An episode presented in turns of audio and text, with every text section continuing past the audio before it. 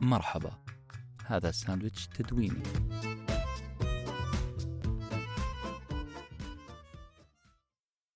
الانتصارات الصغيرة. كان لازم أروح الرياض. عندي معاملة لازم أنهيها يدويا. الوقت ضيق ولا حجوزات متوفرة للطيران.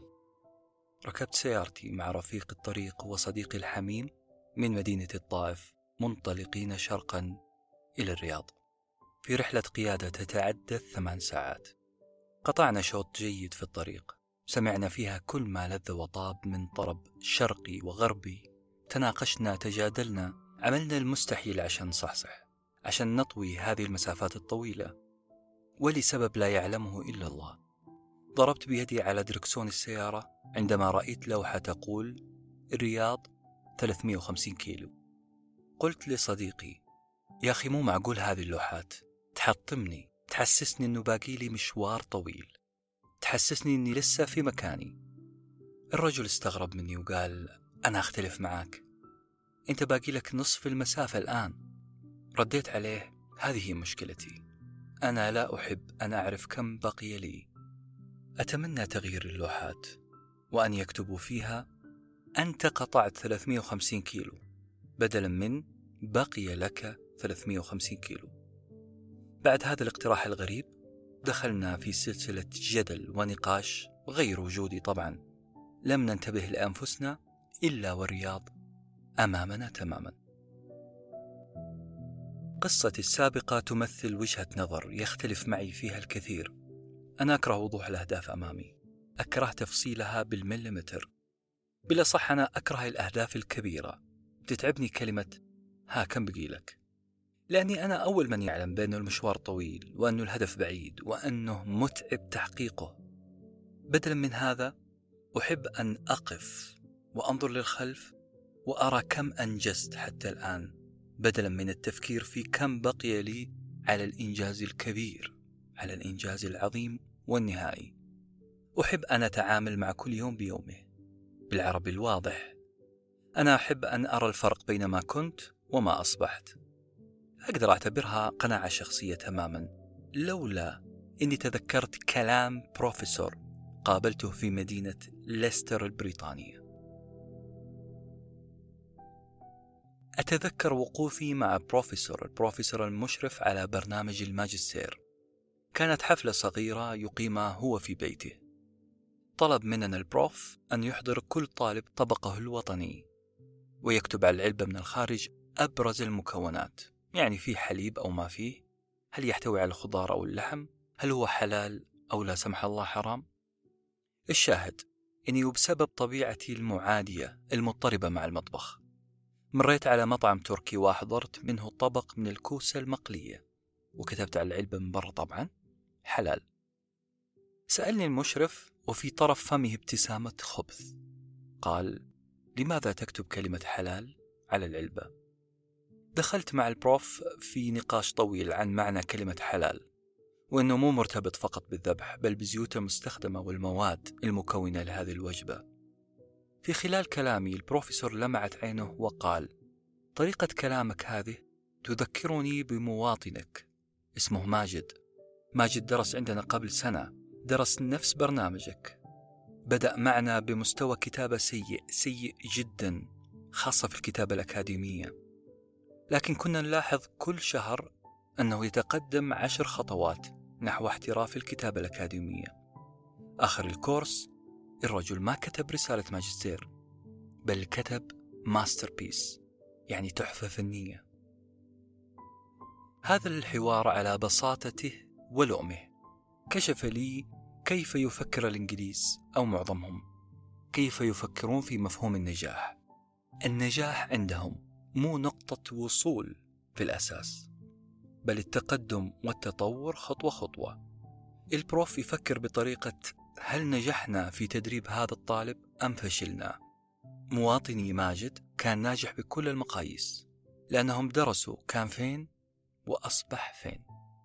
هذه الكلمات من البروف غيرت تماما نظرتي تجاه تقييمي لنفسي وللأشخاص حولي. المسألة نسبية. تعتمد على النقطة التي انطلقت منها وما مدى ابتعادك عنها. النظر للخلف مفيد أحيانا خاصة إذا كنت بهذا النظر تقارن بين أين كنت وأين أنت الآن كم قطعت وليس كم بقي لك. كم بقي لك يسبب لك حالة توتر وترقب حالة تركيز زائد. بينما كم قطعت تزودك بطاقة حماس. عندما تنظر للإنجازات التي حققتها. وهنا نجي للكلمة الأهم أو بالأصح الكلمتين الأهم الانتصارات الصغيرة. ابحث عن الانتصارات الصغيرة. هذا هو عنوان مقال شدني في مجلة هارفارد بزنس ريفيو أو بالأصح اسم المقال The Power of Small Wins قوة النجاحات الصغيرة. إحنا ومشاعرنا نعيش حالة مرجيحة. roller coaster مرة up ومرة down وهذا طبيعي مع كل البشر. الإشكالية الحقيقية هنا إنه ال down ممكن يستمر معانا الفترة ال downs لحظات الهبوط المعنوي قد تلغي كل الأبس قد تلغي كل الإنجازات التي حققناها. الداون هو مستنقع قد يمسك في رجلينك كلما حاولت الخروج منه. ورغم كذا الخروج منه سهل. عليك أن تفكر بطريقة small wins. وهذه هي أهم كلمتين قد تمر في حياتك. هي طوق النجاة في رأيي الشخصي. هي شعلة الحماس. هي شعلة الطاقة. هي إكسير الحياة بإيجابية حقيقية. حقيقية. وليست إيجابية فارغة تافهة.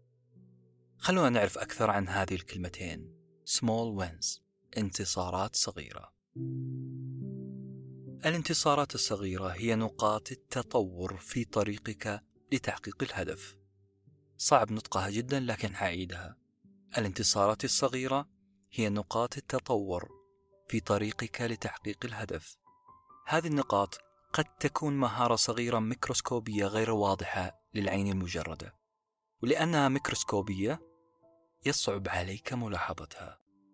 نمو الأبناء وتطورهم يبقى خفيا في عين الوالدين. لأنه تطور متدرج ذكي ميكروسكوبي. كذلك نقاط إنجازك. هي نقاط صغيرة صعب أن تلقطها العين المجردة. والعمل. كيف أستطيع الوصول لمرحلة التفكير في الانتصارات الصغيرة؟ بسيطة. اولا اسأل نفسك ما هي المهمة التي بين يدي؟ أو المهمه التي أريد أو يجب أن أنجزها. اسأل نفسك هذا السؤال. وبعد ذلك امسك بسكين وابدأ بأناقة شديدة تقطيع هذه المهمة إلى أجزاء صغيرة صغيرة جدا. بعضها ما يحتاج دقائق لإنجازها. ابدأ في إنجاز هذه المهمة. ستشعر بأنك انتهيت من عمل. أدرينالين الحماس حيبدأ الضخ في جسدك وبقوة. معنوياتك أعلى ثقتك بنفسك أعلى وأعلى. رضاك عن نفسك حيصل لمرحلة محترمة. ليه؟ لأنه أمام عينيك وفي قرارة نفسك أنت قاعد تنهي مهام أنت قاعد تنجز.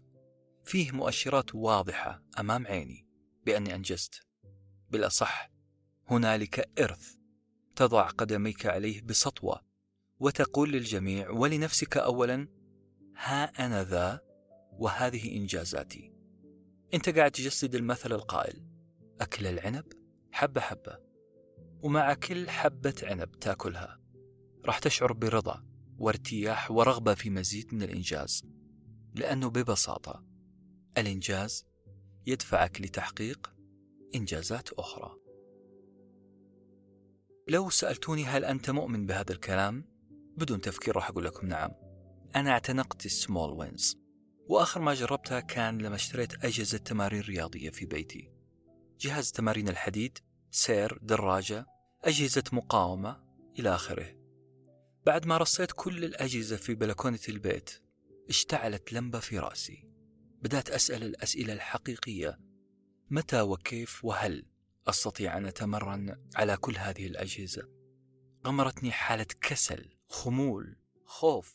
أصابتني بالشلل. أنا اشتريت الأجهزة تحت شعور عظيم بالحماس والآن صحيت من هذا الحماس. استثقلت التمارين. لولا أني فكرت بطريقة سمول وينز للبست أجهزتي رداء الصدى المحاك بخيوط العنكبوت. لأني عملت جدول لا يتعدى العشر دقائق. بدأت بثلاث جلسات بطن هرولة خفيفة على السير ثم تمارين أكتاف والصدر بأقل الأوزان. في البداية لم تكن تماريني جادة. لم يكن لها أثر واضح على جسدي. لكن النفسية كانت في أعلى مستوياتها. حسيت بأني دخلت مود التمارين الرياضية. أنا جزء من هذا العالم الذي يتمرن. أنا أنجز تمارين رياضية. الآن ساعة كاملة هي حصيلة تماريني اليومية. والسبب؟ إنه أكل العنب حبة حبة. أمسك سكينك الفاخر واقطع المهام. وتقوى بالانتصارات الصغيرة. في حفظ الله. كنتم مع ساندويتش تدويني وجبة معرفية نتشارك لذتها.